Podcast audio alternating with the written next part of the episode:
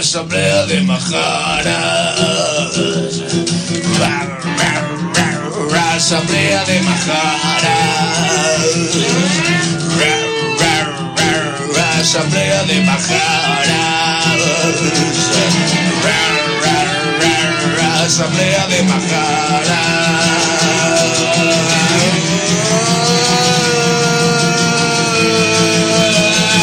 Asamblea de Majaras.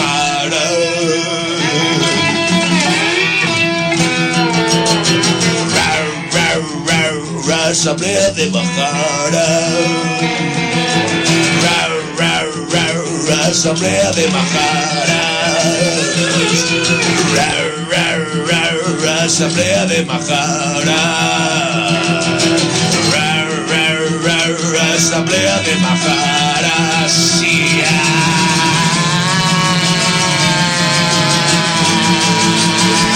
Asamblea de Majara. Ho, let's go! Bona tarda, contrabandistes. Els Majares hem tornat més aviat del que ens pensàvem. Sí. Hem fet un canvi de quinzenalitat, de periodicitat, i fins i tot hem vingut els dos, cosa que jo fa uns dies no, no m'ho esperava. Sorpasso. He fet ahir el sorpasso, sí.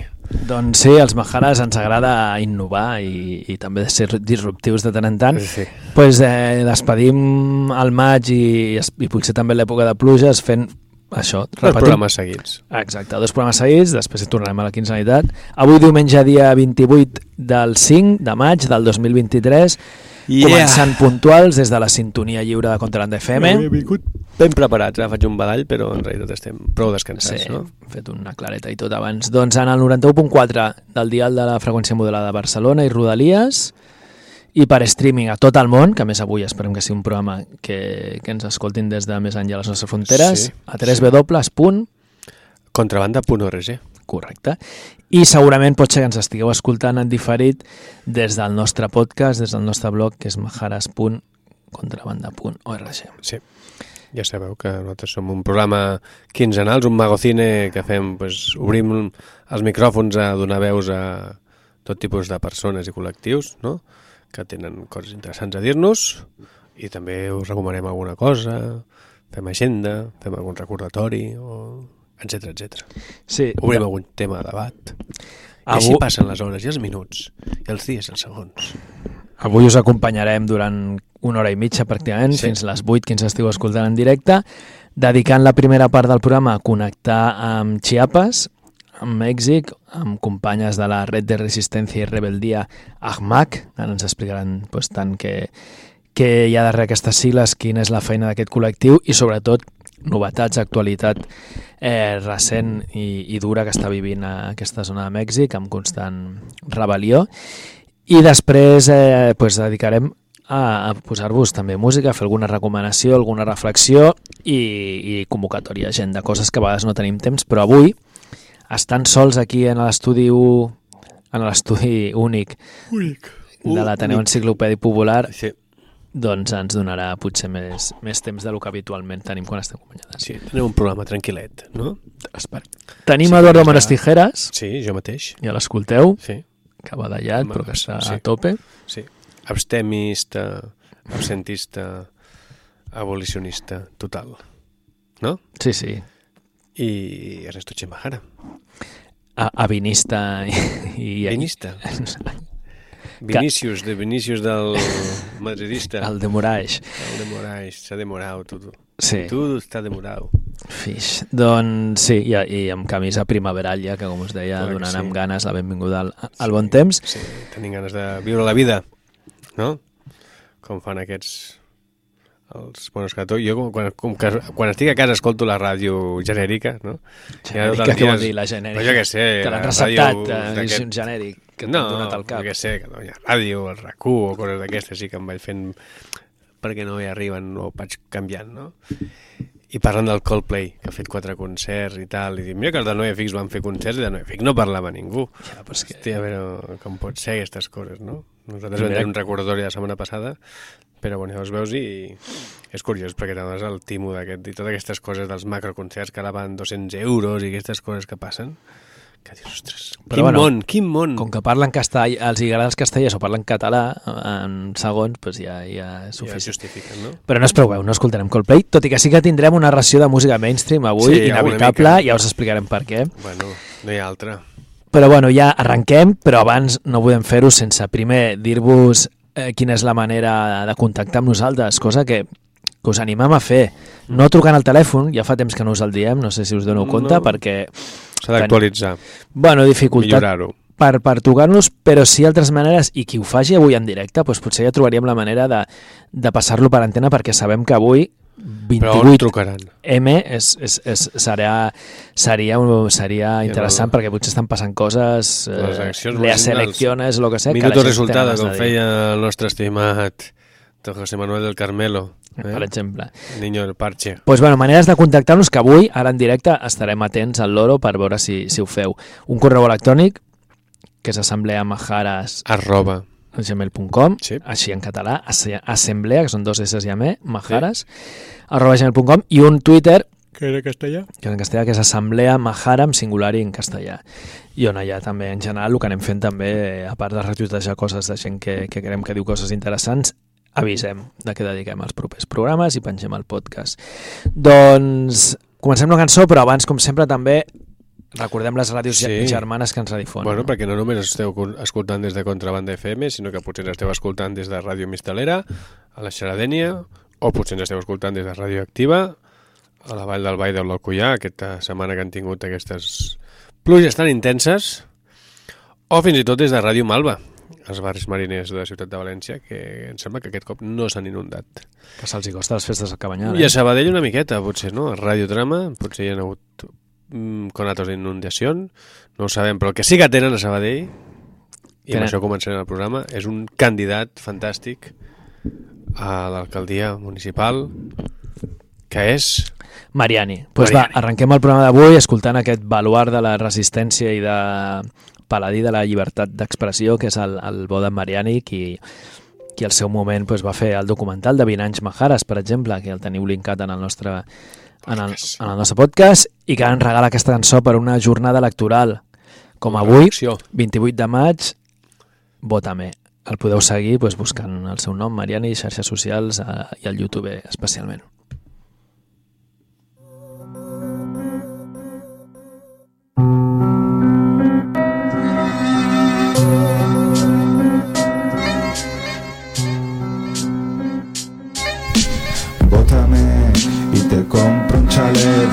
Soy político, soy un tío magnífico, soy de puta madre. Todo el mundo lo sabe, estamos en campaña, si hace falta te compro una playa. Te bailo, sonrío y me tiro a un río, mi promesa electoral te llena de felicidad toda la casa. Fíjate en mi foto publicitaria, una sonrisa de persona excepcional, de persona humanitaria. Nunca yo haría algo que no te beneficiara.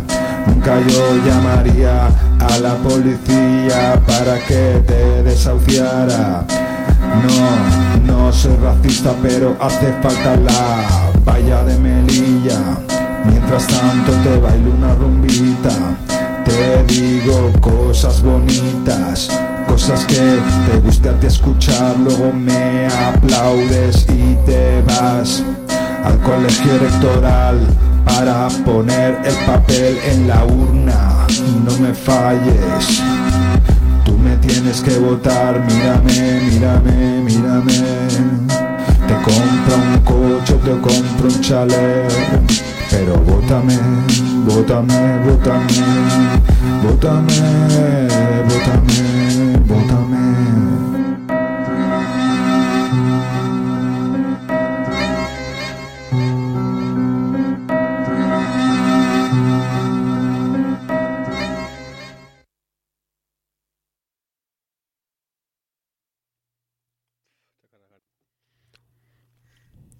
Segons de silenci, mentre es carreguen els àudios. A l'internet, sempre ens fiem de l'internet, però a vegades l'internet no funciona.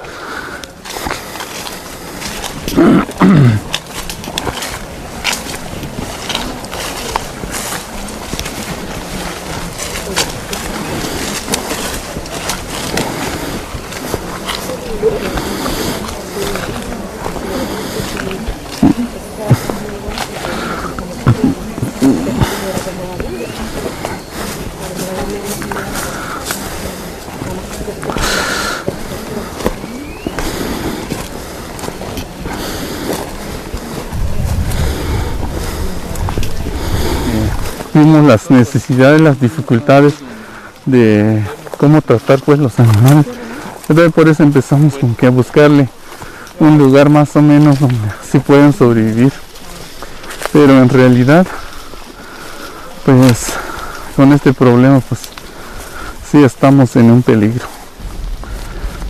Estamos en un peligro. Por verlos muchos de diferentes estaturas, colores como el maíz, hay color amarillo, negro, blanco, pero todos somos una sola humanidad. Pues cuando era, pues cuando era antes estábamos libres, podíamos jugar en donde queríamos, pero hoy ya no podemos salir ni jugar. Ayer nació un caracol, un caracol, un caracol de guerra. Este nuevo San Gregorio cuenta con 155 hectáreas de terreno. Hasta ahorita estamos viviendo dos años y dos meses las provocaciones de los invasores.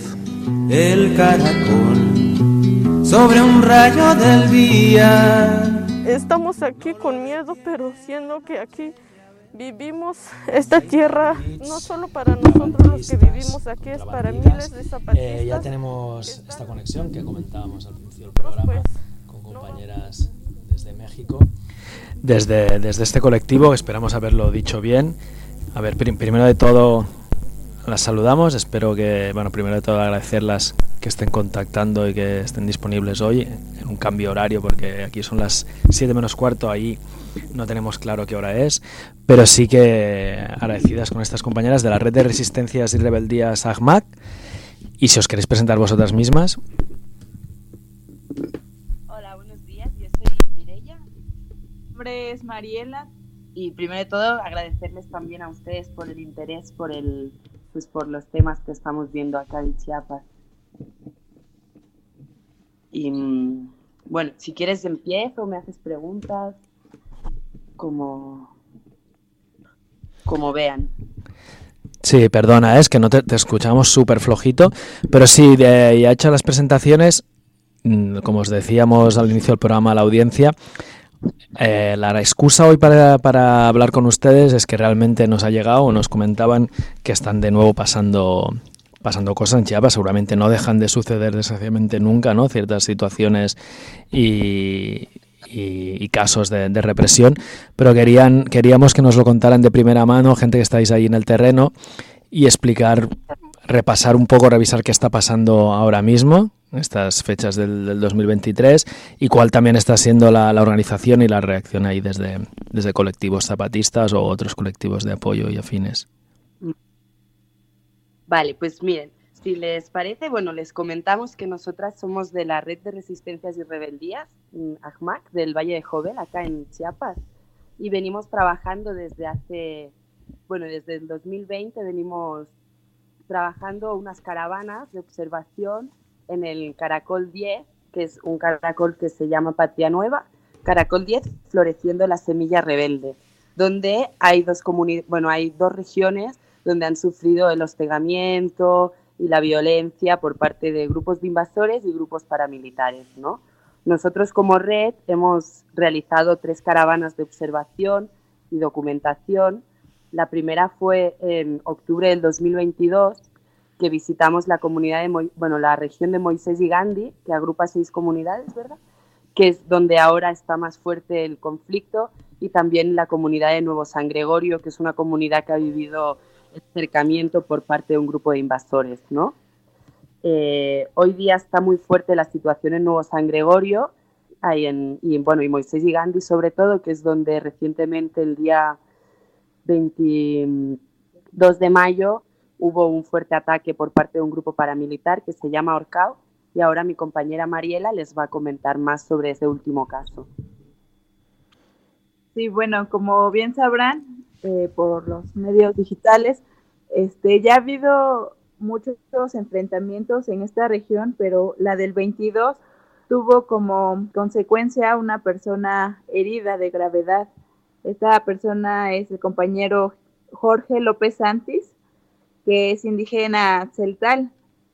Él fue herido con una bala en el pecho que pues, atravesó el, el diafragma, estómago e intestino. Entonces su situación de salud ahorita es muy complicada.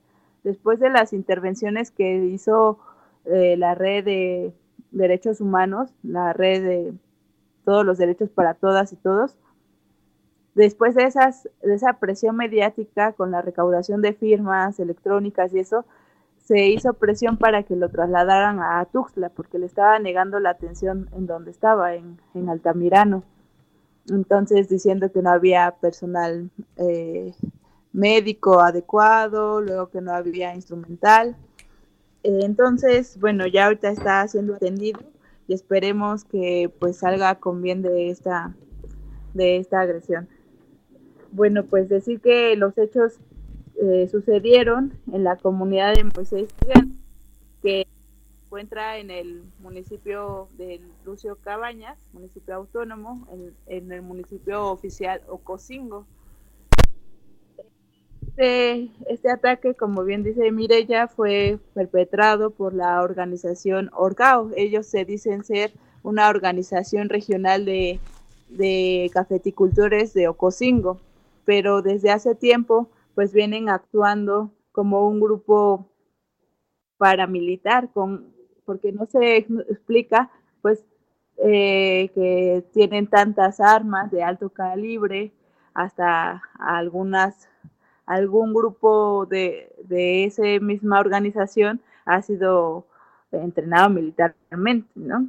Entonces, por eso decimos que tiene ese, pues ese corte y pues desde el 2019 iniciaron las agresiones y ahora pues no, no han parado, solamente que ahora pues está en riesgo la vida de este compañero.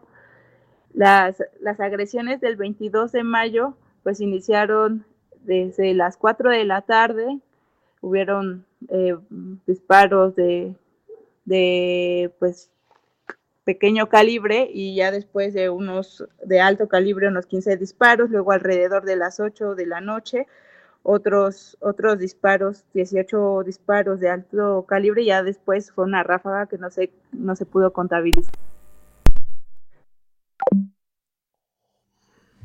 Bueno, hem tingut ara un problema que s'ha penjat, coses del... del... De la modernitat d'internet. Hola. Bueno.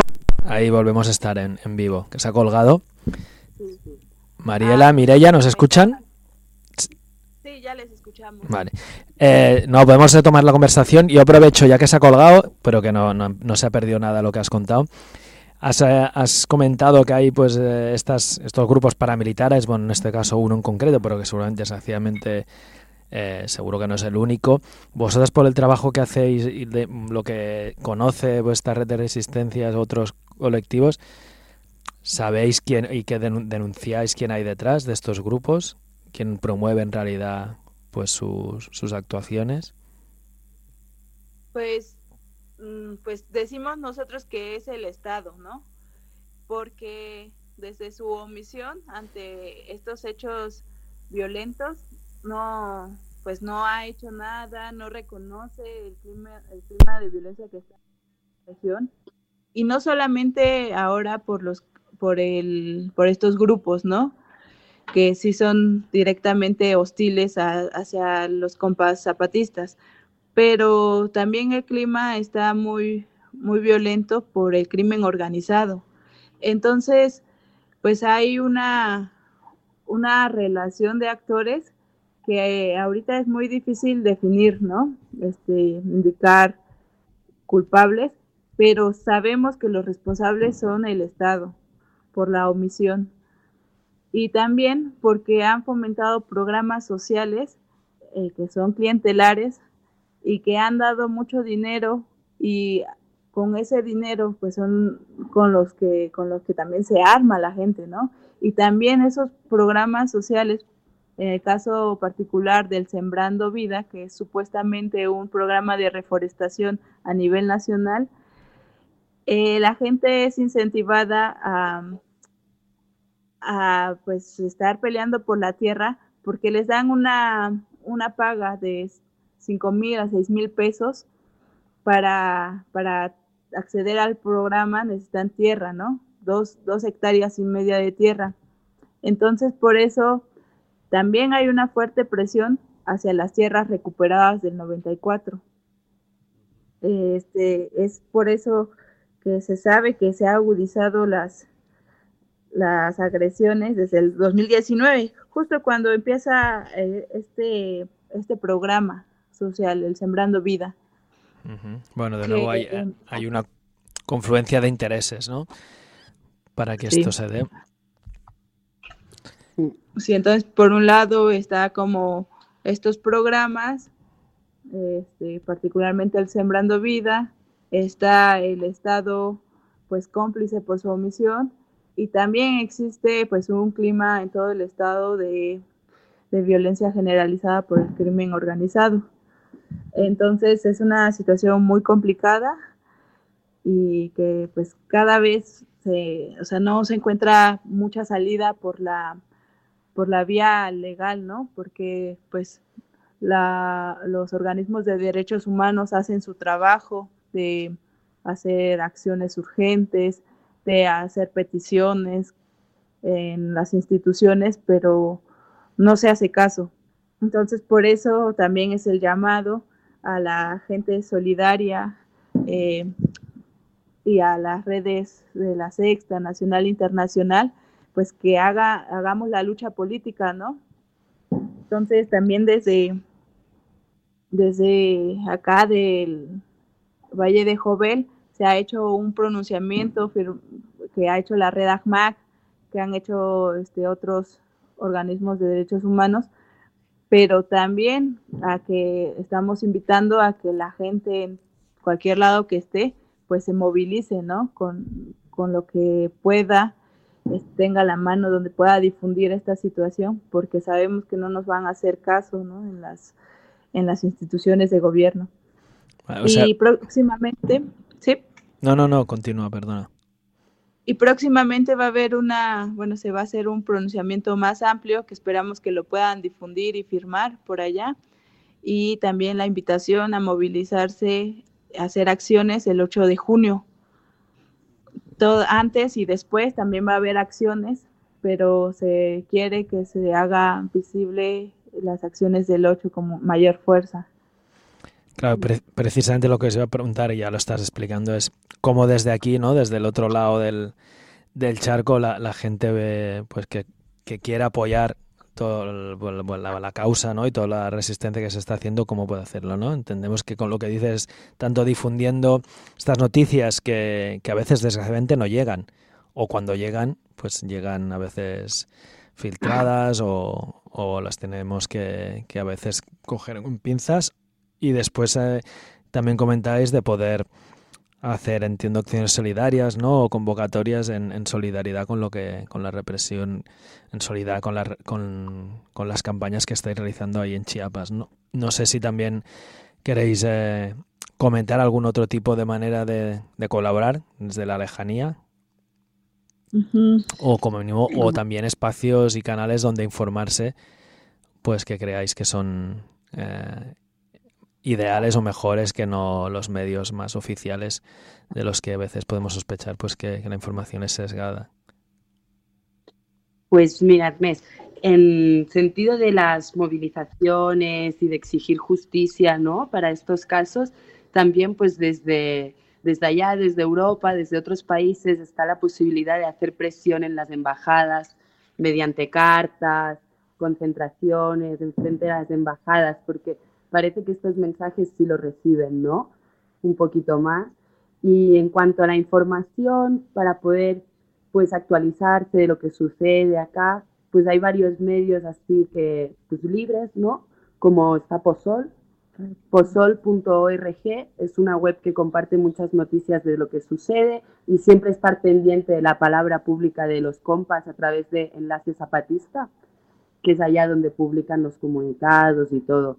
Igual en la red nosotros tenemos en nuestra página web varios trabajos que hemos ido haciendo de documentación y así.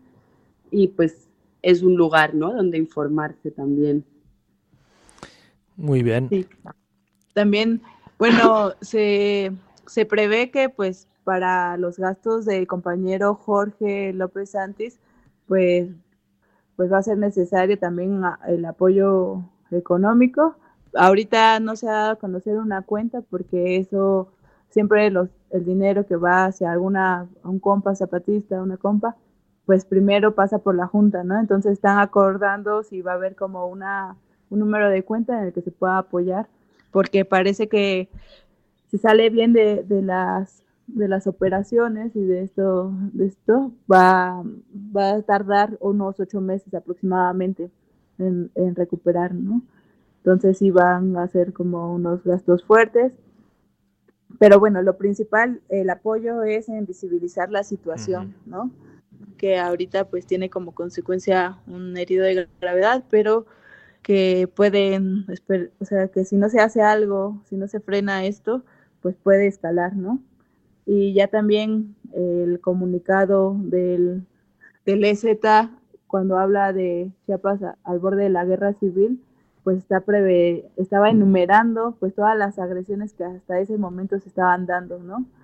Y pues estaba, estaba también como poniendo un ultimátum de que si no se hace algo, pues se van a tener que, pues van a tener que tomar otras medidas, ¿no? Pero pues lo que no se quiere es que haya pues más de, pues más confrontación, violencia y derramamiento de sangre, ¿no? Entonces, por eso es muy importante la, la presión política que se puede hacer desde, desde sus geografías, como lo decía Mirella, ir a las embajadas, consulados. Este, creo que esa, ese tipo de, de presión es la que sí llama la atención al gobierno mexicano y que lo están mirando desde otros lados. Y que tiene su efecto, ¿no?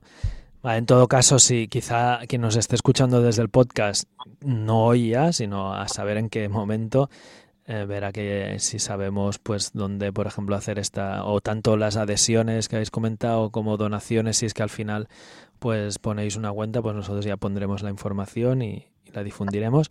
Y después añadir no a, canales donde poder informaros. Me imagino que también los propios de la red de resistencias y rebeldías AGMAC tenéis una página web y, algunas redes sociales donde la puede la gente puede seguir no las la informaciones que dais convocatorias etcétera y también hay canales de Telegram, por ejemplo, hay uno que es em, el canal que se creó a través de, bueno, a raíz de la gira zapatista que hubo en Europa en el 2022, ¿no? No, 21. Sí.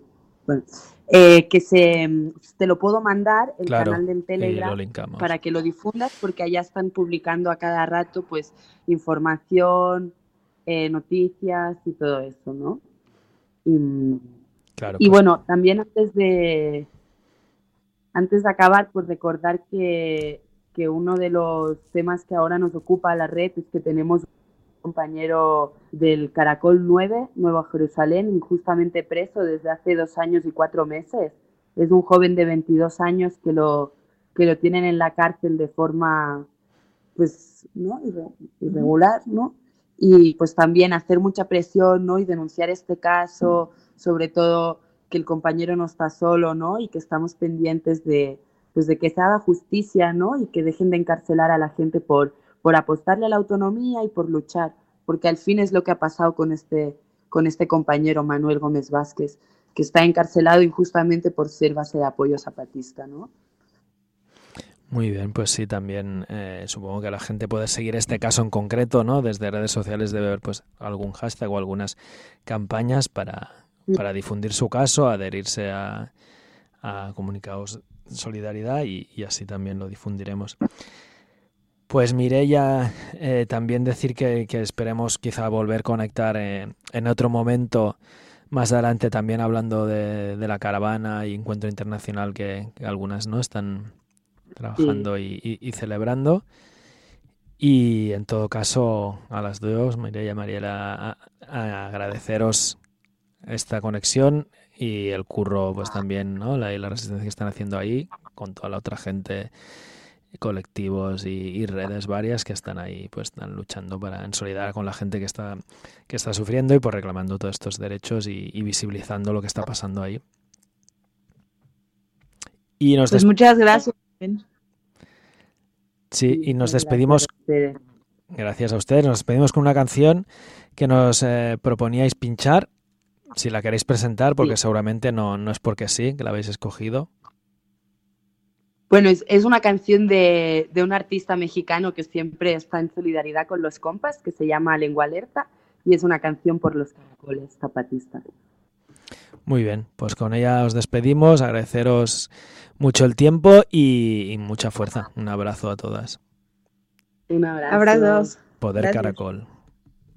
Esta es la voz de la gente, esta es la voz consciente.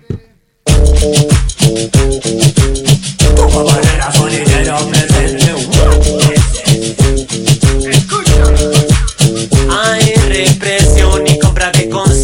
para los que no piensan igual que tú. Hay desaparición, tumba orejas para los que no seguimos el camino que dictas tú. Y es que no nos conformamos con limosnas ni migajas. Y eso es lo que ofreces tú. Queremos más que tus falsas promesas, pero ya no creemos que puedas darnos eso tú. No, no, no, no, no, no. No creemos que puedas darnos eso tú. No, no, no, no, no, no,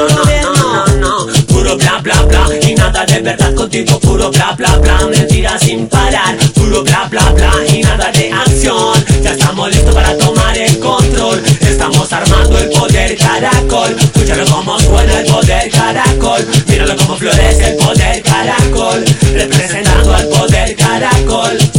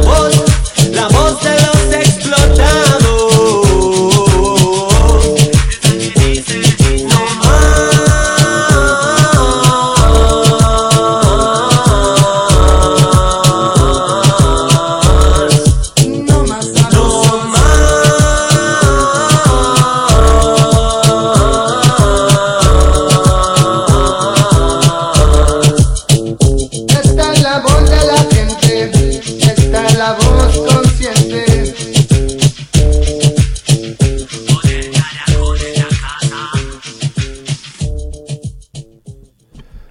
Vinga, la cançó del Caracol.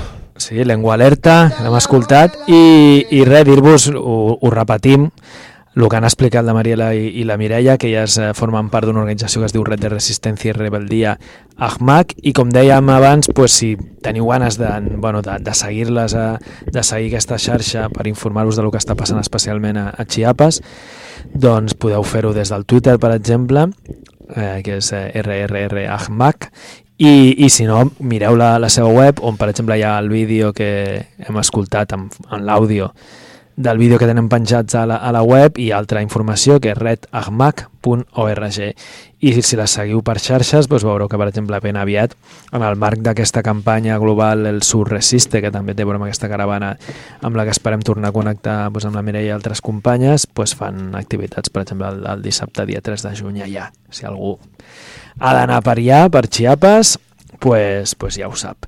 Doncs eh, Seguim, no? Ja que estem Seguim. parlant de, I de mira- Ayala o de Llatinoamèrica. Sí, ara m'ha vingut al cap. Jo ja vaig parlar un dia d'un llibre que m'estic llegint, que m'està agradant molt, que es diu L'amanecer de todo, d'en David Greber i un altre David, que no me'n recordo com es diu. David Lynch, no? Un antropòleg i un arqueòleg, no?, que intenten reformular les diferents teories historiogràfiques de com el perquè de la societat, donant més, més valor al, al punt de que realment hi ha molts exemples de, de societats que no han hagut de viure sota l'empara de reis, ni governants, ni, ni dictadors, ni qualsevol cosa d'aquestes, no? I n'hi ha d'aquestes societats. Sí, sempre hi ha hagut i d'alguna manera, clar, sempre se'ns ha formulat no? com si l'estat igualitari del ser humà és l'estadi prehistòric, no? com si diguéssim, fins que no eren més de 100, 150 persones conjuntament vivint, no? I després ja diuen que amb la domesticació, amb l'agricultura i aquestes coses, com que la gent eh, portés l'evolucionisme aquest, no? doncs que una cosa porta a unes altres inevitablement, no? i que el fet de controlar la natura i llavors acabes creant la propietat privada i per controlar la propietat privada s'acaben creant èlits, no? o castes de guerrers i tal, arreu era com una cosa que, que vingués donada de per si, no? és la, el que diuen i, d'alguna manera és imperant, és el paradigma, i tot i que ja es va qüestionant des de fa temps, no? pues aquest t'ho plantegen amb molts exemples, i l'últim que m'estava llegint, que és el que tinc el tema que està obert ara, ens parla de les societats de Mesoamèrica, bastant abans de l'arribada dels espanyols, no? però fins i tot també en el, en el moment dels espanyols, no? I et parla d'una... No? Es veu que Hernán Cortés, no? conquistador, que va conquistar Mèxic, no? Mèxic era com el poder dels asteques, no? que era la triple aliança, que era una aliança de tres ciutats, no? i els mexiques, no? eren com diversos, no? que d'alguna manera havia els que estaven a Tenochtitlan, no? que era el que és ara actualment Ciutat de Mèxic, no? allà on el Zoco van, on van construir la, no? hi havia les piràmides i tal, no? I diu que aquests es van, el que Hernán Cortés va guanyar, mira que eren quatre gats, no? però tenien cavalls, armadures i, i armes de foc, no? Van a, la història ens, ens explica com si hagués guanyat gràcies a, la, a ells mateixos, no? però en realitat van acabar guanyant perquè es van aliar molts d'altres ciutats-estat o moltes altres tribus o el que vulguis dir-li, no? Descontentes. amb- Bueno, una mica Descontentes amb el poder dels asteques que eren dèspotes i... i... bé, què sé. Similar al que va passar a a l'imperi Inca. Similar al que va passar a l'imperi eh, Inca, sí, a no? Sud-amèrica. I llavors et demostra que, com que d'alguna manera s'han anat negant fonts d'aquella època o una miqueta posteriors de gent que va estudiar o que van a recollir testimonis, no? Pues moltes vegades eren els mateixos funcionaris de l'Estat de la monarquia dels Àustria espanyols, no? I et parla de, de, pues això, de que d'alguna manera hi havia altres ciutats, i en aquest cas et parla una que és Taxlaca o Taxcala, no sé d'un nom així que no, que no el sé reproduir ara, i que t'explicava que allà pues, t'explica la font aquella que on va anar que no tenia cap tipus de de gent de que, que, que manés sobre els altres, no? que hi havia uns representants però que es funcionava tot per consells veïnals i eren unes ciutats molt grans, eh? vull dir, ciutats que ara no serien grosses amb els monstros de ciutats que hi ha però sí que en aquella època eren ciutats molt importants, no? Vull dir, la ciutat dels asteques, Tenochtitlan, va ser una ciutat que era de l'alçada de Sevilla en aquell moment, o com el que es va convertir, o, sigui, era, o Roma, fins i tot. no? Bueno, una Era capital. Era una, Una metròpoli. metròpolis. Sí, sí. I tal. I és molt interessant. Llavors vas, vas, no? Clar, tu vas veient no, la història dels zapatistes, i més quan van venir ara amb la, la ruta, que jo vaig estar sentint-los un parell de dies, no? Al final, no?, que són comunitats indígenes, no?, molt atravessades o molt afectades pel, pel mateix component del proselitisme cristià, no? de tots aquests missioners que han anat tinguent durant segles endarrere, no? però que al final és bona gent que l'únic que vol viure és viure tranquil·la i en pau, no? I tenir un control sobre el que és la vinculació que tenen és amb el territori, no? amb el seu entorn directe, no? i amb les ganes de tractar bé i amb respecte a la natura, no, no, no vendre's aquests grans projectes de macroenginyeries o d'aquests d'agroindústria, no? de fer monocultius i aquestes coses, que és una mica el que ens anava explicant ara, no? d'alguna manera. Aquestes comunitats que estan aïllades no? o estan perdudes al mig de la selva o en, o en territoris pues, poc densos o el que siguis, tenen l'hostigament d'aquests grups, no? que al final el que volen és que, que es cansin, que marxin, no? i d'alguna manera quedar-se amb la seva terra, no? que treballen humilment pues, per viure tranquil·lament, no? aquest en el caracol i el buen vivir, no? que tenen el concepte que tenen tan interessant. La seva carta... La seva carta conceptual. Mm -hmm. I bé, doncs el llibre aquest està molt bé.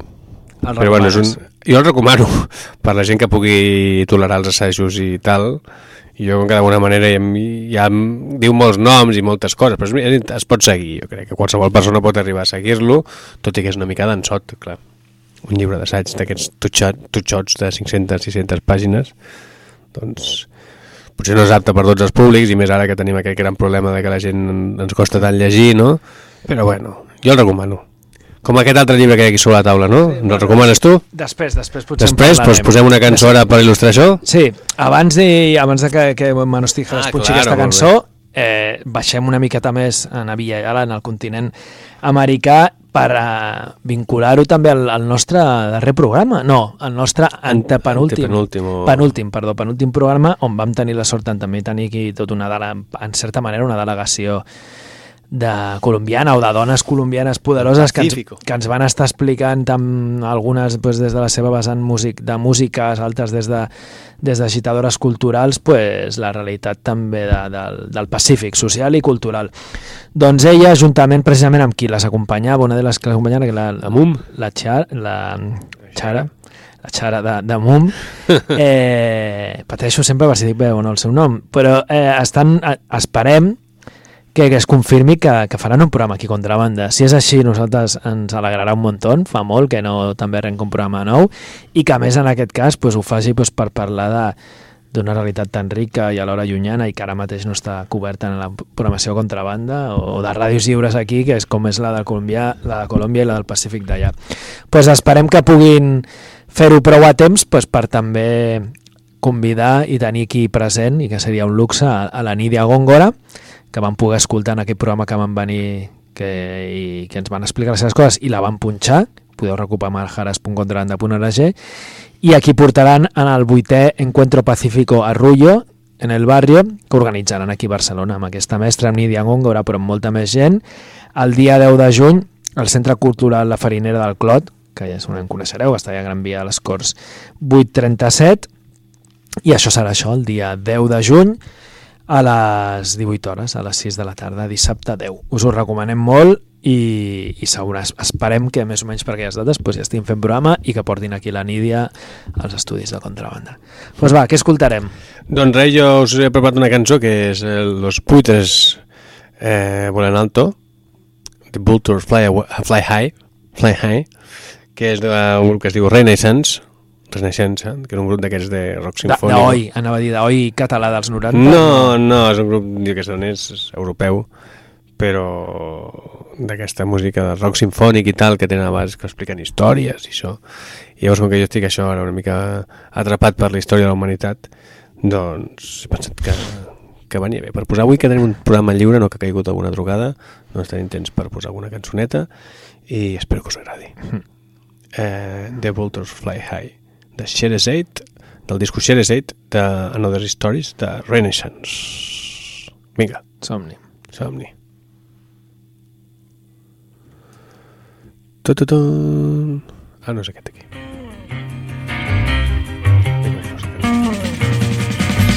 While in the streets of all our fears, they reign supreme as orders go. They are the last to have their say.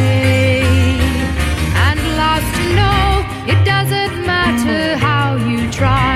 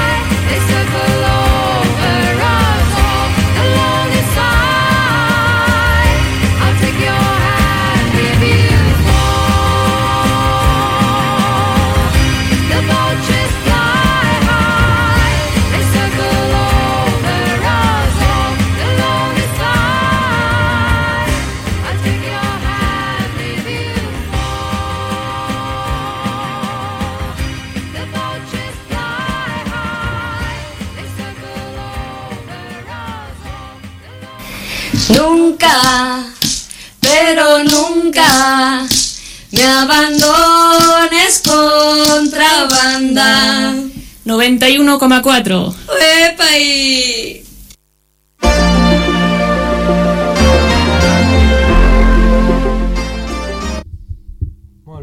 Doncs eh, recorda la cançó que hem posat, no? Eh, hem posat eh, The Vultures Fly High del disco de Sherazade de Renaissance. I després escoltàvem una cunya de les nostres estimades Cumbiacaos, ja sabeu, una banda que, i si no ho sabeu us ho recordem, que va protagonitzar i, i ficar la cirereta final al concert de comiat de la plaça Real, l'anterior espai que ens allotjava, ja fa un any i mig o més. Doncs el Cumbiacaos seran un dels dos grups que estaran presents a la festa 20è aniversari, un número molt rodó que fa un, un, un col·lectiu germà nostre, que és la Mosca TV, una televisió comunitària amb la que compartim diverses coses, no només que toquin eh, conviacaves a concerts nostres, que sí, porto la, camis la samarreta. Has vist avui? Bueno, és que hauríem de ja program, programar la, la, la fusió com a... Sí, ens, ens fusionarem. Com... Bueno, qui Algun sap. dia, no? Potser sí. Podríem fusionar-nos tots plegats els quatre matats que quedem Fent coses d'aquestes, no? aquests audiovisuals, xarxes audiovisuals aquí. Bueno, pues si voleu recolzar algun d'aquests projectes matats, en aquest cas el de la Mosca TV, teniu l'ocasió el dia 10 de juny, un dia que passen coses, però qui estigui a Barcelona sàpiga a la seva, on està la seva seu, a la plaça del Sol, a la Sí. Vila de Gràcia, estaran celebrant aquest 20è aniversari d'aquest projecte de comunicació comunitària lliure autogestionada, des de les 12, que hi haurà un Aster Clown amb un espectacle infantil. Mira, fan una mica com nosaltres també, Sí, sí. Però això és que el que sempre ho han fet. Faran un vermut salsero amb el DJ... Sí, sí, l'Otine. L'Otine, que aquell dia Que tindrà un dia complet, no? Tindrà un Després double ens- session. Després ens ho expliques, però fem un, un, un com es diu això, un spoiler, no? que qui vulgui després el pot anar a veure a la Catalunya Central. Però a la una estarà Gràcia, a les 12 i mitja hi haurà una paella, a les 4 de la tarda es presentarà el projecte de la Mosca TV per qui no el conegui, o el vulgui refrescar, i a partir de les 5 de tarda fins a les 8, un parell de concerts en directe de gent vinculada amb aquest projecte, com són els doble A, que els hem escoltat algun cop, divertits amb el seu trap i música electrònica però original, i la gent de Cumbia Caos. Fantàstic i meravellós. Podeu seguir les, aquesta gent des de la Mosca TV o Ocupem les Zones eh, per xarxes socials. Felicitats des d'aquí. Sí, sí, i que siguin 20 anys més. Esperem. Sí, bueno, sí, amb sí. renovació sempre. Si fan només que ja facin 5, 5 més, ja, bueno, o, o un mes, ja, ja està bé, no? Home, bueno, que no morin mai. No, no, no. Exacte. Doncs escolteu, pues, eh, molt breu, eh, perquè, perquè bueno, avui segurament farem un programa més curt, però sí, ja que comentava l'Edu, pues, bueno, a l'Eduardo Mones Tijeras, tenim Més ganes... reco recomanacions literàries. Va, recomanacions literàries, i avui farem... Tico, tico, tico. Avui parlarem d'assaigs, no de, no de ficció. Doncs un llibre que porto ja unes setmanes llegint-me, ens agradaria, m'agradaria xerrar d'ell amb més persones, vinculant-ho a, a poder tenir entrevistades que ens Ho farem parlessin. a la, a la propera temporada, no? Algun dia ho Serem farem, mo- sí. monotemàtics la propera temporada. Potser sí, estaria bé. Bueno, és un llibre que es diu El buen sexo mañana, porta per subtítol Mujer y deseo en la era del consentimiento, tret per Catherine Angel i l'editorial Alfa de Cai, vull dir, tret no, escrit per Catherine Angel, i mm, una, que és una doctora en història de la sexualitat britànica, si no m'equivoco, i, i us el recomano, jo us el recomano, és un llibre que està, se n'ha estat parlant bastant, en bastants cercles, a mi per exemple doncs, me'l van recomanar, entre altres persones o espais doncs, en un taller de sexualitat perquè, perquè li dona una volta o intenta anar bastant amb, a, profundament a, també a, a, a termes o, o, o discursos i, i lògiques sobre el consentiment en els nostres temps algú tan, pues, que evidentment està tan al centre del debat pues, per moltes raons, no? pues, tant per, per desgraciadament la freqüència d'abusos, eh, assetjaments i, i violència de, sexual, no només físi, física, que, que està a l'ordre del dia, que no és algo nou, que ha existit sempre, però que als darrers temps, doncs, per sort, s'ha visibilitzat i s'ha visibilitzat molt també des de certes campanyes i, i certes reaccions Bueno, col·lectives. Es, visibil es visibilitza amb l'objectiu de que això et faci posicionar-te que la gent, no? O sigui, Bueno. bueno. o sigui se senti ama, no? Bueno, per tant, per Controlada amenaçada, o dir com vulguis, no? Per, ta- pues, tant per assenyalar, evidentment, pues, les persones agressores, pues, pues, com perquè això canvi, però també posa en, relleu pues, certes a vegades contradiccions o, o bueno, com també Mm. eh, cal també anar, anar En a la profunditat de, pues, pues de, de tot el que implica això. Llavors, sense entrar ni a donar de discursos ni, ni, ni, ni lliçons, jo senzillament el que recomano perquè genera debat doncs és lliure llegir aquest llibre, sobre una com dèiem, tan, tan d'actualitat, però, que, però que ha estat sempre allà i que, de fet, precisament és part del que explica també una mica el repàs a la història. De, I genera de- de- debat en, en, quin, en quin sentit? Bueno, no, en el, en el sentit, pues, tant des de... Que la gent s'ha de deixar portar més? No, no bueno, en, el, bueno, en diversos sentits i des d'una visió, o en la meva opinió, i per de, jo que de molta gent també de- feminista, eh, des d'una opinió, des d'una crítica feminista, en, en diversos sentits, tant des de que el, la senyalització de certes conductes o de, o de, o de víctimes no és igual per tothom, no? i que de nou aquí els privilegis eh. Afloren? Afloren, que sense buscar paral·lelismes, com el que pot estar passant a l'estat espanyol pues, amb la campanya no? entorn a aquest futbolista multimilionari brasileny que, que ha estat víctima d'atacs racistes claríssims, està clar, però que tots sabem no és el primer ni en un estadi de futbol amb noms menys coneguts i en èpoques Clar. diferents i en equips menys coneguts ni evidentment fora dels estadis de futbol no? on milers i milers de treballadors i no treballadors pues, són Insultats. Sí, són insultats, sigui explícitament o no. Pues, bueno, potser es podria trobar aquí un equivalent en això amb, amb, amb, i reflexió també sobre temes de privilegis i després també de conseqüències que, que pot tenir, bueno, que, o que té cert, cert, cert discurs del, del no és no de, o de només el no és no i de ficar el focus en això quan potser també es pot ficar el focus en, també en el només sí és sí, com moltes altres veus, i especialment feministes, també estan dient, com per també anar, anar evolucionant, no? amb, amb, amb un discurs no només com Negatiu. o no. punitiu, i llavors entorn aquí pues, també reflexionar sobre, sobre el desig i també sobre la, la visió o, o els estereotips, el, els estigmes de, de gènere, de que, pues, de que la, les dones pues, eh, victimitzar-les i, i que per tant i, i, ser objecte de desig i per tant a vegades de- d'assetjament i, i en canvi l'home al revés no? llavors, bueno, és interessant. Evidentment, pues, jo, la meva opinió és que ho fa des d'una des d'una visió feminista. Segurament hi ha altres lectures que podria tenir altra gent, però bueno, jo en tot cas sí que crec que el recomano i que genera un debat o dona per un debat interessant Bueno, sin más, eh, em feia pensar també en el llibre aquest l'altre dia en a una exposició que, que, que està a Barcelona, l'altre dia ho vam dir super de refilón, però que i ho podem dir clarament. que és- Recomana una que és, exposició. no, no, no la recomano. No senzillament- la recomanis. No la recomano, senzillament dic que, que també, de nou, pues és algo que, que porta el debat, és la- l'exposició de, de Sade, no? del marquès de Sade, no de només de la seva figura, és una exposició que s'està fent a Barcelona, segur que tota, molt la majoria, si sou d'aquesta ciutat, heu, heu, sabeu que s'està fent, en el nostre barri, i que, que no eh, no es centra en la figura només d'aquesta persona, de que pues, en el seu moment pues, hagués estat, ara se li diria, no sé, un, agit, un agitador, no sé què seria, un activista, o el que sí, i un polemista, no, sinó en les efectes que, que, que va tenir o en la, la, el seu pes i la seva repercussió i derivades, influència en la cultura, el pensament, de, de la sexualitat i, i en, en, pues en la història, sobretot occidental. Llavors, eh, We don't want another hero. Ah, bueno, anava a posar una altra cançó. Ah, no, que no, després- pots posar que vulguis. Però jo deixa'm acabar la, la secció cinèfila, Vinga, ai, cinèfila va. literària amb una folca. Vale? Un clàssic. Quin cas? El d'aquest, de la cançoneta del, de la màquina d'escriure. Però bueno, va, quina cançó anaves a Vinga, va, doncs va, posem una cançó, posem un grup, la cançó és una en concret que es diu Put Your Love in Me, Oh, yeah. però podria ser alguna altra cançó d'aquesta banda, que és els Pla The Plasmatics, banda que precisament a Eduardo Mastijeras, jo per, per uh, felicitar-lo li, li vaig posar una cançó de- d'aquesta gent. Una banda nord-americana poc coneguda ara, però que sí que ho va ser el seu moment.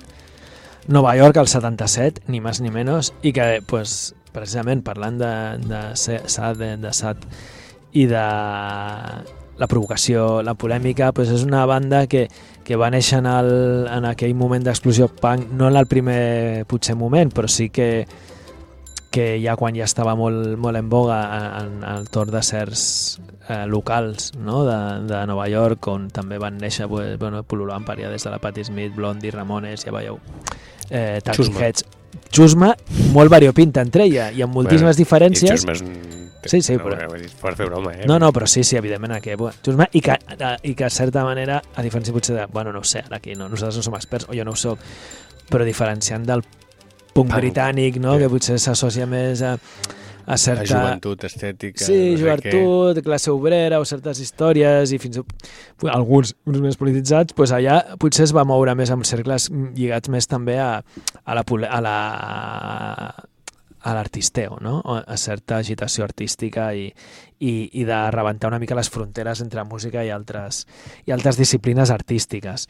Llavors, aquest grup en concret, els plasmàtics, na- naixent, com, començant amb aquest rotllo més, més punky i bastant guitarrero, tenien una actitud i una posada en escena pues, pues, molt nihilista i que, i que pues, va anar derivant pues, des del nudisme i, i, i mostrar espectacles que en aquell moment en aquell moment eren poc habituals per després anar derivant cap a elements de violència sobre l'escenari, que després altra penya, pues, amb, amb, potser més famosos amb el temps, Ho van anar fent. van anar repetint. I ells musicalment, i potser també per buscar una mica l'èxit, van anar evolucionant també més cap al heavy. I se'ls diu que és una banda de, de punk metal o de punk heavy i, i alguna així. Llavors, va, la cançó que escoltarem, com us hem dit, és de Plasmatics, Put Your Love in Me, que ens serveix també pues, per recordar que, que la seva cantant i, i cara visible, la, la Wendy, pues, eh, al seu moment també pues, va decidir deixar-la per, per, per decisió pròpia va decidir deixar aquest món. Venga, temazo. Put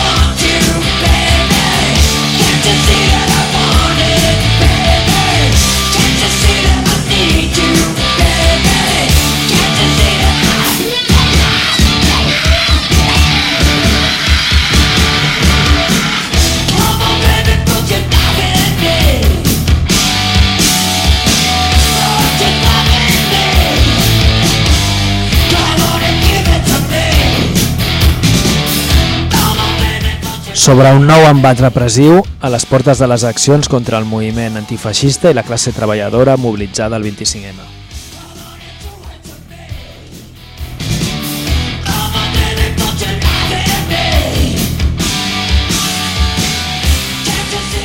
El passat dijous 25 de maig, el moviment antifeixista de Barcelona va sortir als carrers del Raval per respondre a la convocatòria impulsada per l'extrema dreta i desocupa que tenia lloc a la plaça Universitat. Un cop més, els Mossos d'Esquadra van impedir que la manifestació antifeixista pogués sortir del barri del Raval arribant a realitzar una petita càrrega al carrer Tallers. Va ser aleshores quan la Brimo va encapsular un bon gruix de la manifestació. La retenció va durar més d'una hora obligant a més de 60 persones a ser identificades, registrades i en alguns casos mitjançant una violència desmesurada i sent empeses contra la paret. Cal destacar com la policia va procedir a fotografiar una per una totes les persones que es trobaven a la plaça per dalt d'engruixar d'engruixar els seus arxius i llistes de militants antifeixistes, essent, per tant, una persecució ideològica massiva i una vulneració de drets fonamentals. Per això fem una crida a les assistents a la manifestació a revisar possibles causes judicials obertes per aquest dia i que es posin en contacte amb nosaltres en cas de rebre una denúncia o citació judicial relacionada amb la jornada.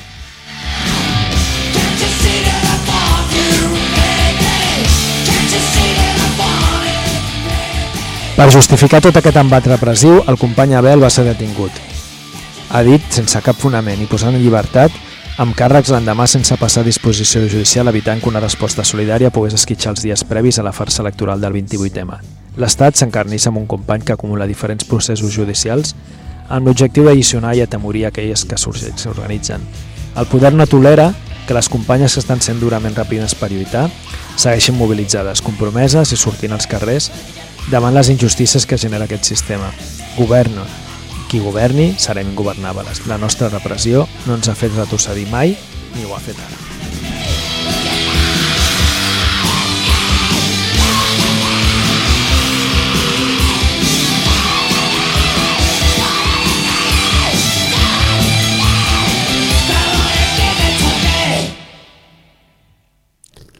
Doncs aquests eren els plasmàtics que sentíem per darrere i el resta ens ha llegit aquest comunicat d'aquestes Sí. setmanes d'aquesta campanya electoral que s'ha vist no, esquitxada per les manipula- manipulacions dels mitjans i dels grups d'extrema dreta Sí, i no? també de la, la Guàrdia Urbana pagant a, els monitors d'esplai. També, certament. I tot això, mira, precisament ha passat a, ha passat pues, pues, en part al nostre barri, no? al Raval, ja veieu aquest comunicat que ha fet la gent del col·lectiu Egida, i, però, que, però que signa també amb, amb la plataforma antifeixista de Barcelona, doncs Egida, que és eh, un col·lectiu de defensa col·lectiva anarquista, denunciava pues, aquesta detenció, aquesta repressió que va haver aquell dia i, i lligat pues, a, a la convocatòria, la concentració antifeixista a resposta a tot això que, que ha estat passant darrerament a Barcelona que va fer el, el dijous 25 de maig. Si voleu pues, seguir informant-vos de pues, convocatòries i denúncies d'aquest tipus, solidaritzar-vos amb la campanya al que sí, podeu seguir la gent de, Defensa Col·lectiva Anarquista o també eh, centrant-nos en, en també el cas de, de lo que ha passat en el nostre barri, de, de el judici, la, que hi ha unes encausades per la seva resposta a la presència que va haver l'any al setembre del 2020 de Vox aquí al Raval, doncs hi ha també un compte per, per la campanya de Raval versus Vox, tant a Instagram com a, com a Twitter podeu buscar això, Raval versus Vox o Raval antifeixista i, i, i seguir-los o, o adherir-vos.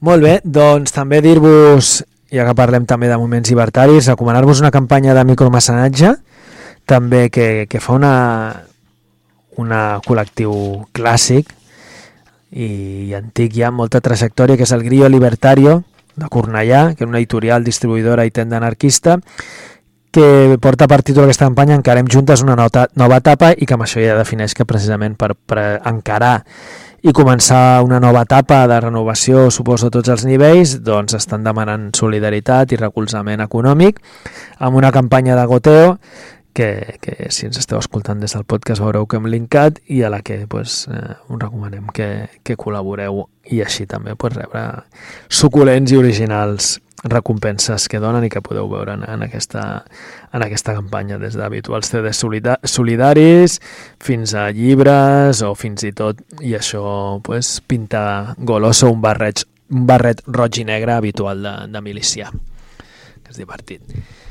Pues, mira, precisament ara que parlem de milicians, i ja per anar també dient alguna coseta d'agenda, abans de que ara us posem una cançó que considerem inevitable, Jo en tinc aquí alguna, també. parlem d'anarquisme i recuperant i lligant-ho a una antiga entrevista que vam fer aquí i a feina que també fa l'Ateneu Enciclopèdic, Direu que, que sota l'empara de l'Ateneu Enciclopèdic, però impulsat per la gent sobretot del, de l'OBQ, l'Observatori de Vida Quotidiana, doncs es mou ara l'exposició gràfica anarquista Fotografia i Revolució del 1936 i 1939, que lligada al llibre que ens van venir, i projecte no, integral que ens va venir a explicar aquí l'Andrés fa, fa potser ja un any, aquí en el programa, doncs ara els porten a, al centre cívic Terra de Trinitat Vella, al carrer Foradada número 36. Estaran des del dia 1 de juny, dijous, que es farà la inauguració a les 7 de la tarda, i estaran fins al 27 de juliol. O sigui que teniu temps per anar allà i us la recomanem. Va estar aquí un temps a l'Ateneu i és, és molt xula i el llibre pues, encara més. I doncs també d'una altra, una altra pel·lícula que presentaran a Cinètica, en aquest cas, no aquí a l'Ateneu, eh, però al voltant de la temàtica també de Memòries d'un prisionero de guerres, eh, un documental d'en Santi Ric i en Javi Gil, eh, que es farà això, a la Cinètica, a la Rambla Fabrer i Puig, número 28, el dimecres 7 de juny, a les 8, Espanya 1, Portugal 0. I també hi haurà una mica de xerrada amb, el, amb els codirectors d'aquí del, del documental. Molt bé, doncs escolta, et, et sembla que posem una mica de música i mentre sona aquesta cançó pues, escoltarem, podem, podem fer agenda sobretot de coses que tenim a l'Ateneu Enciclopèdic Popular i, i d'alguna altra convocatòria. Sí, I tancarem una mica abans el Sí, programa avui. correcte. Doncs eh, escoltarem, com us dèiem, d'una manera inevitable la, la Tina Turner. A vegades fem aquí obituarios i... Sovint.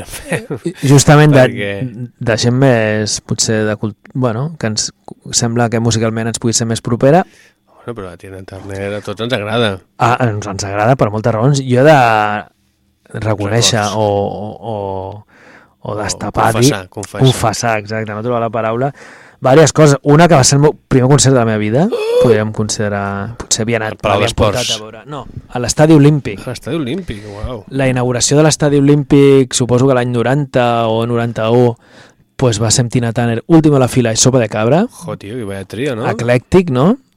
Un festivalón. festivalón amb les goteres de l'estadi olímpic allò i teòricament no, però tenia goteres recent estrenat i bueno, doncs mira, ja que la meva mare doncs, era gran fan, doncs mira, m'hi van portar i aquell record està allà d'un personatge pues, interessant, musicalment pues, poderós, però a part amb una història de vida que si no el coneixeu pues, és, És dura. és dura, és, és una lliçó de vida i que de fet recull i explica en primera persona un llibre que es diu La felicitat nace de ti que jo és un dels llibres que vaig regalar aquest Sant Jordi. Ah.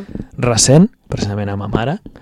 I, i que no us puc dir si està bé, no us puc recomanar perquè no l'he llegit, però tot i així sí que sí que per dit està bé. I que sobretot pues, bueno, pues, eh, explica aquesta eh, dura història de vida d'una persona que neix pues, amb, amb un entorn pues, més desfavorit, desfavorit, persona i dona negra als Estats Units i que a més després, pues, com tantes altres dones, es veu esquitxada pues, amb, amb, precisament amb, amb, amb, violència, amb violència, no? Sí, amb, amb, amb, amb violència a casa, que és una que en certa manera retrata també aquesta, aquella pel·lícula d'Ike en Tina, que no sé si li fa o Tina i en Ike, que no sé si li fa justícia o no, però que ja està i que és el que va donar a conèixer potser una mica I es va fer mentre estaven gent. vius, o sigui que Sí. d'alguna manera avui havia d'estar d'acord Sí. amb la pel·lícula. Però bueno, per exemple, la Tina Turner eh, també va tenir la seva relació amb el celuloide. Sí, menys, menys extensa que passa amb la música, que la tia era una jabata i que no ha parat de ballar i de fer música fins pràcticament fa res. Una de les promotores de l'Animal Print, de l'estètica Animal Print, quan abans que fos tan estesa, no? I que no tingués tantes connotacions. Jo crec que segurament de les primeres persones que se'ls va veure allà a l'escenari Molt bé. aquestes faldilles allà de Leopardo mítiques. Pues bueno, l'escoltarem des d'una banda sonora de, què? Sí, d'una altra gran pel·lícula que és Mad Max 3, La cúpula del trueno, més allà de la cúpula del trueno. Gran pel·lícula, tot i que no potser a l'altura de les dos precedents. Bueno. De, dels capítols precedents. I jo, mira, m'atreviria a dir que del posterior, però bueno, això ja són... Tu creus que és la pitjor de totes? Bueno, però A mi si una cosa la salva, precisament, És Tina Turner. és, és la, el dolent. Però bueno, això seria Ah, debat... La dolent. no, Ah, no, la, ella. Això seria debat d'un altre programa d'aquesta casa, que m'agradaria saber si, si Què pensen? n'opinen la gent, els compis de Cine Audiència. Bueno. Jo l'haig de recuperar perquè, bueno, sempre tinc... Que sí, m'agraden. Fins i tot, la primera és la que menys m'agrada, diria. Però, bueno, les, haig de tornar a veure un altre cop. Perquè l'última sí que l'he vist fa poc. El, el de Ser Auster... I també es par... Eh? Bueno, entraríem a parlar de cine, però pel·lículon, no? Bueno, precisament, poques sí. pel·lícules... Tan, zero, eh, que, que sagues que repesquin anys després per fer diners, Puguin pues, fer aconsegueixen... cosa- un bon producte. sí, no? Mira, bé. Sí, sí. Però bueno, són opinions.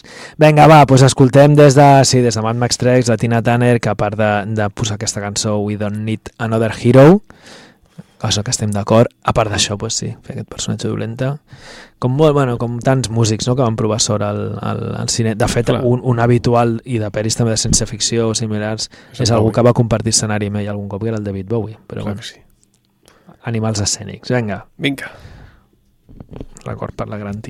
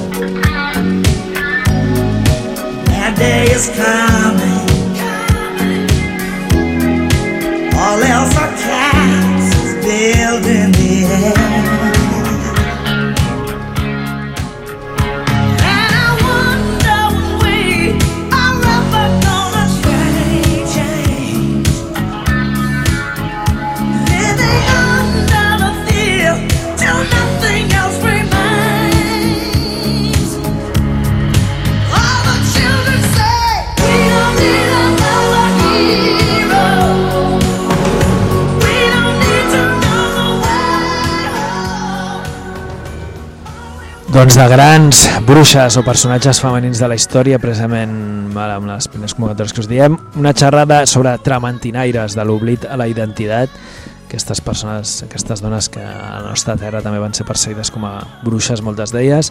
Es farà una xerrada explicant la seva història el proper dimarts dia 30 de maig a les 7.30 a la, a la Violeta, un centre cultural de la Vila Gràcia, carrer Sant Joaquim, si no recordo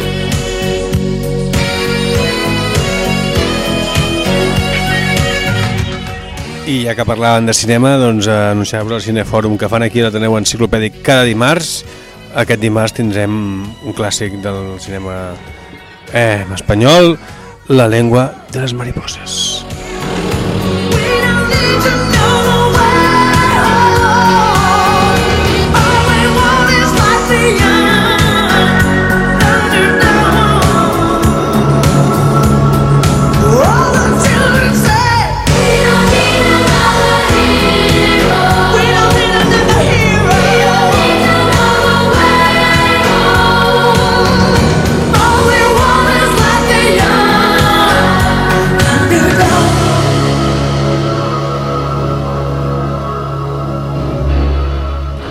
Però aquí la teniu no només passem pel·lis, també presentem llibres. En aquest cas, a Zaragoza o al Charco, Los Jimenólogos.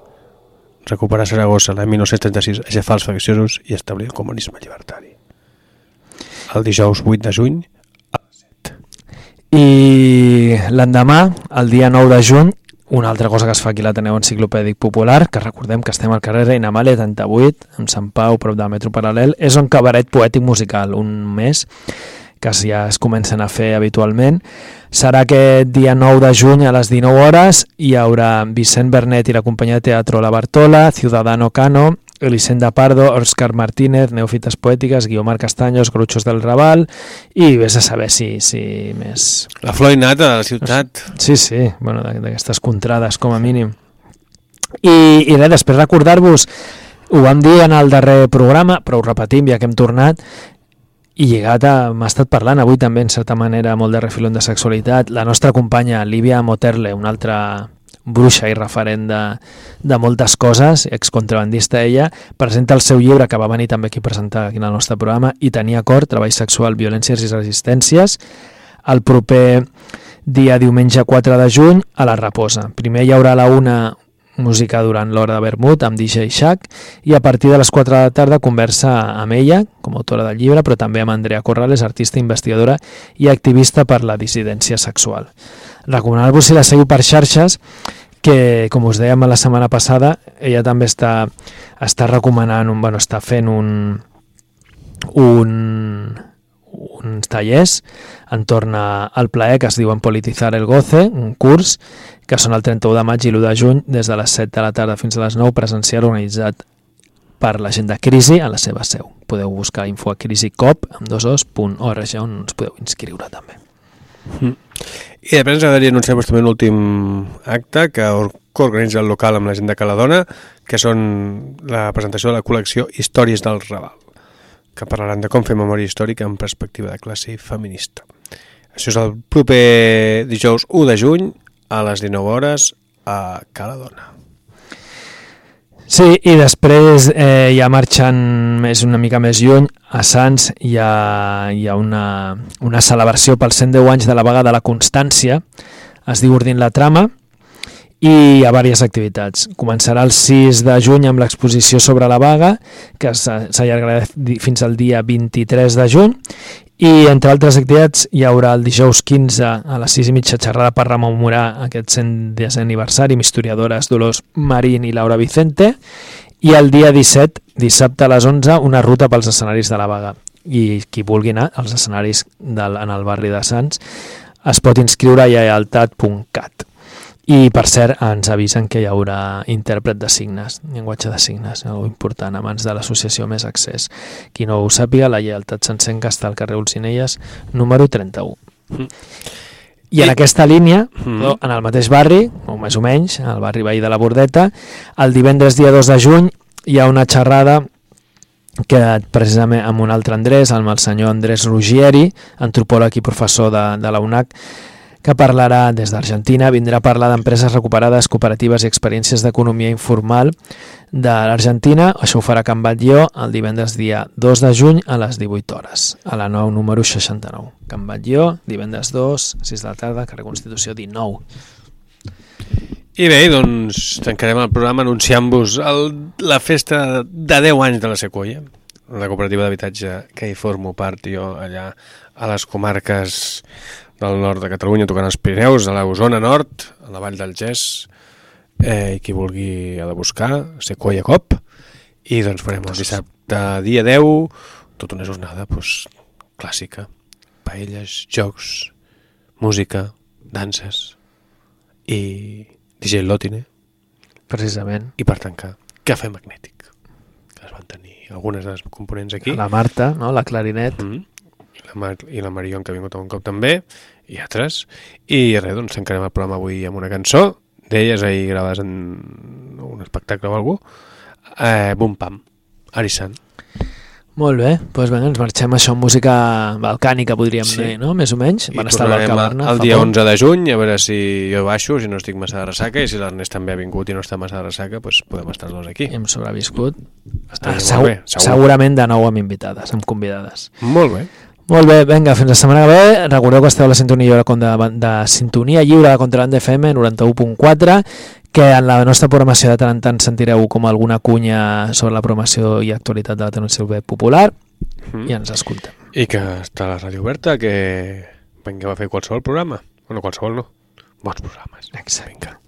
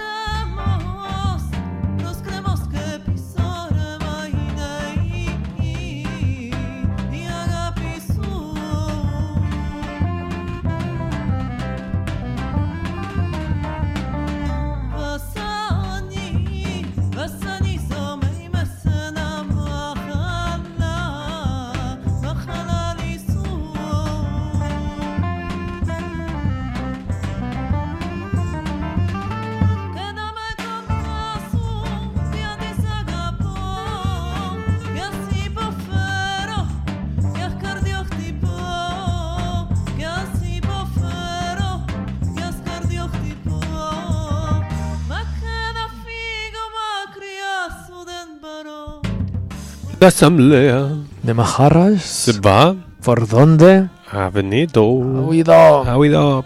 La privat.